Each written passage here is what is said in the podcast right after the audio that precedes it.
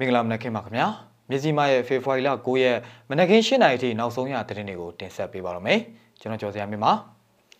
မြန်မာနိုင်ငံကိုရေးပေါ်အခြေအနေအမေရိကန်သမ္မတဆက်လက်တတ်မှတ်လိုက်တဲ့သတင်း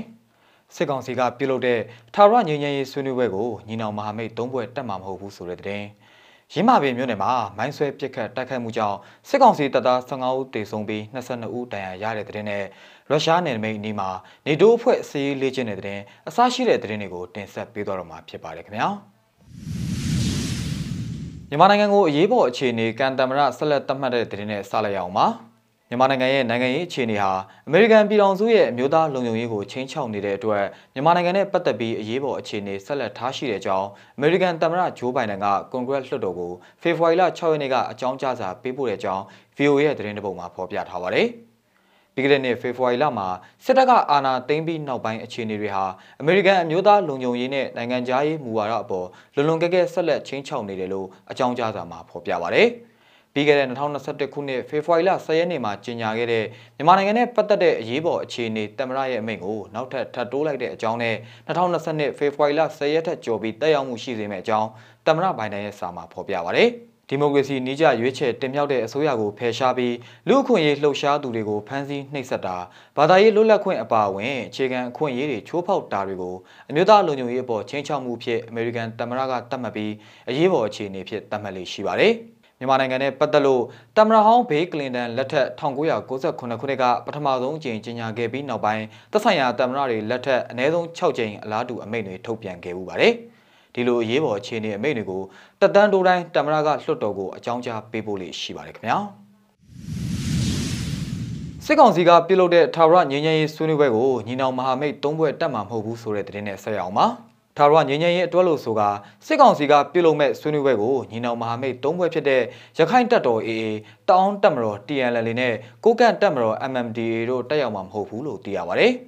လာမယ့်ဖေဖော်ဝါရီလ12ရက်နေ့မှာကြာရောက်မဲ့85ကြိမ်မြောက်စည်ရင်သူပြည်တော်စုနေ့မှာအဲ့ဒီဆွေးနွေးပွဲကိုပြုလုပ်ဖို့စစ်ကောင်စီကစီစဉ်ထားတာဖြစ်ပါတယ်။ကျွန်တော်တို့စီကိုတရားဝင်စာပို့လာလည်းမရှိဘူးကျွန်တော်တို့တက်ရောက်မှလည်းမဟုတ်ဘူးလို့ TNL ရဲ့အထွေထွေအတွင်းရေးမှူးဗိုလ်မှူးချုပ်တာဖုံးကျော်ကရှမ်းပြည်မြောက်ပိုင်းအခြေစိုက်ရွှေဖီမြေသတင်းဌာနကိုပြောဆိုထားပါတယ် အကြံဖက်အဖွဲ့ဖြစ်သတ်မှတ်ထားတဲ့အဖွဲ့အစည်းကလွဲပြီးတနိုင်ငံလုံးအပြစ်ခတ်ရစဲရေးသဘောတူစာချုပ် NCA လက်မှတ်ရေးထိုးထားတဲ့လက်နက်ကင်အဖွဲ့အစည်းတွေနဲ့ NCA လက်မှတ်ရေးထိုးထားခြင်းမရှိသေးတဲ့အဖွဲ့အစည်းတွေကိုထာဝရငြိမ်းချမ်းရေးဆွေးနွေးဖို့ဖိတ်ခေါ်ကြောင်းစစ်ကောင်စီဘက်ကထုတ်ပြန်ထားတာဖြစ်ပါတယ်ခင်ဗျာ။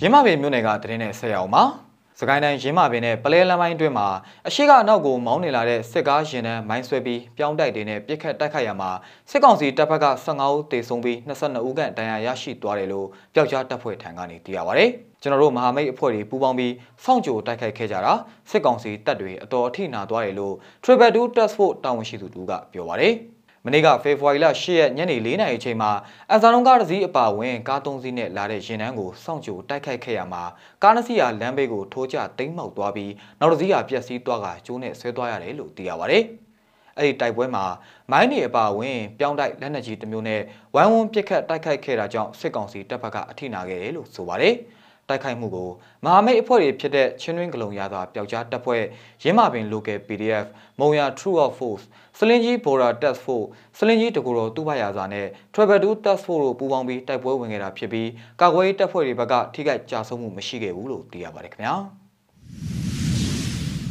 ရုရှားနယ်နိမိတ်နီးမှာနေတိုးဖွဲ့စစ်ရေးလေ့ကျင့်တဲ့နိုင်ငံတကာသတင်းကိုလည်းတင်ဆက်ပေးကြပါမယ်ခင်ဗျာ။ နေတိုးရဲ့အရှိတ်နေဆက်ရှိထင်းရှူးပင်တွေနဲ့နှင်းတွေအေးခဲနေတဲ့နယ်မြေအတွင်းပုံမှန်လှုပ်ဆောင်နေကြစေးလေးချင်းမှုဟာယခုနှစ်အတွက်တော့ရုရှားနဲ့အနောက်အုပ်စုကြားတဲမာမှုတွေမြင့်တက်နေချိန်နဲ့တိုက်ဆိုင်နေပါတယ်။ရုရှားနယ်စပ်ကနေကီလိုမီတာ100ပဲကွာဝေးတဲ့အက်စတိုးနီးယားအရှေ့မြောက်ပိုင်းရှိစောင်းရသည့်စခန်းအနီးစစ်ရေးလေ့ကျင့်မှုမှာဗြိတိန်အက်စတိုးနီးယားနဲ့ပြင်သစ်တပ်ဖွဲ့ဝင်1300ပါဝင်ခဲ့ပါတယ်။ ယူကရိန်းတဝိုက်မှာရုရှားကတပ်ဖွဲ့ဝင်အင်အားအများပြားချထားပြီးပိုလန်နဲ့ဘော်လ်တစ်နိုင်ငံတွေဖြစ်တဲ့အက်စတိုးနီးယား၊လက်ဗီးယားနဲ့လစ်သူယေးနီးယားတို့လို EU နဲ့ NATO အဖွဲ့ဝင်နိုင်ငံတွေကနေ NATO တပ်ဖွဲ့တွေစုခွာပေးဖို့ရုရှားကတောင်းဆိုထားပါတယ်။အက်စတိုးနီးယားနဲ့ရုရှားနယ်နိမိတ်မှာချင်းချောက်မှုတွေမရှိပေမဲ့လူဦးရေ1.3သန်းနေထိုင်ရာတချိန်ကဆိုဗီယက်နိုင်ငံဟောင်းဟာ ဥရောပအလဲပိုင်းနဲ့အရှေ့ဥရောပနိုင်ငံတွေနီးတူစိုးရိမ်ပူပန်မှုတွေရှိနေပါတယ်။ယူကရိန်းမှာဖြစ်ပျက်နေတာတွေကိုကျွန်တော်တို့ကောင်းကောင်းသိပေမဲ့ပုံမှန်လုပ်နေကြအတိုင်းပဲလုပ်တာပါ။ကျွန်တော်တို့ရဲ့ကာကွယ်ရေးကိုအစစ်မြင့်တင်ဖို့မလိုအပ်သေးပါဘူးလို့အက်စတိုးနီးယားတပ်မှူးအန်ဒရက်မာရီလိုကပြောကြားခဲ့ပါတယ်။ရုရှားရဲ့ကျူးကျော်မှုကိုမကြောက်ပါဘူး။ဒါပေမဲ့အဲ့ဒီအိမ်နီးချင်းကအန်ရပေးလာနိုင်တာကိုနားလည်ထားပြီးရန်လိုမှုမှန်သမျှကိုတံပြန်ဖို့အဆင်သင့်ပါပဲလို့မာရီလိုကဆိုပါတယ်။